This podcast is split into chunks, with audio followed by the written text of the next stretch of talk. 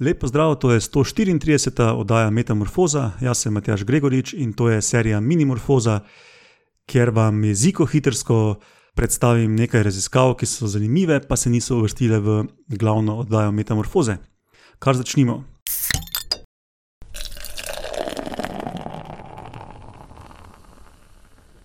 Raziskava ena. Sabljasto zobe mačke so bili sesalci z zelo povečanimi podočniki, ki bi naj bili prilagojeni obvladanju velikega plena.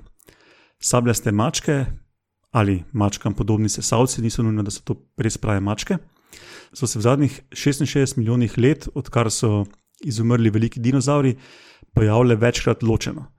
Eden takih ločenih nastankov sabljastih podočnikov predstavlja sabljasti vrečar. V novi raziskavi pa so ugotovili, da sabljasti vrečar ni to, kar smo do zdaj mislili. Čeprav ima velike sabljaste podočnike, ti verjetno niso bili prilagojeni ubijanju plena, kot je to naprimer pri sabljastem tigru. E, Mimo grede, sabljasti tiger je poznan tudi pod imenom Smilodon.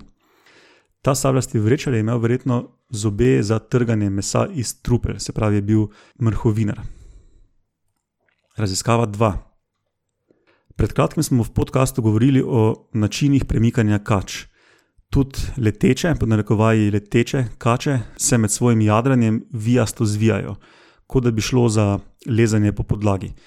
Do danes ni bilo jasno, ali je to zvijanje brez funkcije, kot nekakšen ostanek uh, siceršnjega gibanja po tleh, ali pa to morda poviša vzgon tega jadranja pri kačah. V nedavni raziskavi so natančno raziskali zvijanje med jadranjem. Ugotovili so, da je sestavljeno iz vodoravne in navpične faze, ki sta ena na drugo pod kotom 90 stopinj. Njuni frekvenci pa se razlikujeta za faktor 2. Z uporabo matematičnih modelov so ugotovili, da bi kače brez zvijanja med jadranjem izgubile ravnotežje in da to zvijanje telo kače med jadranjem stabilizira. Ta stabilizacija pa občutno poveča daljino jadranja. Raziskava 3. Dvoživke so znane po koži, ki vsebujejo strupne žleze. Te uporabijo na pasiven način kot obrambo pred plenilci. Na drugi strani kače strup uporabljajo aktivno, se pravi, ga strupniki vbrizgajo v tarčo, ali to bodi si je to plen ali plenilec. V novi raziskavi predstavljajo izsledke nove študije na sleporilih. Sleporili so dvoživke, ki po izgledu spominjajo na kače ali pa mogoče na nekaj črveno, in izgleda, da so te kačaste dvoživke, ločene od kač, razvile aktivno uporabo strupa. Pri zobeh imajo namreč strupne žleze in verjetno ta strup gomazi v tarčo tudi pri teh sleporilih. Raziskava 4. Upad biodiverzitete spreminja tudi sestavo združb organizmov, kar lahko dodatno zveča njihovo ranljivost. Zanimiv in pomemben primer takih združb so opraševalci in njihovi rastlinski partnerji. V nedavni študiji so raziskali, kaj vpliva na razširjanje parazitov pri čebelah. Ugotovili so, da na nekem travniku ima skoraj polovica vrst čebel in več kot dve tretjini rastlinskih vrst na sebi vsaj enega čebeljega parazita. Paraziti se torej širijo na nove čebele tudi s prenašanjem preko rastlin.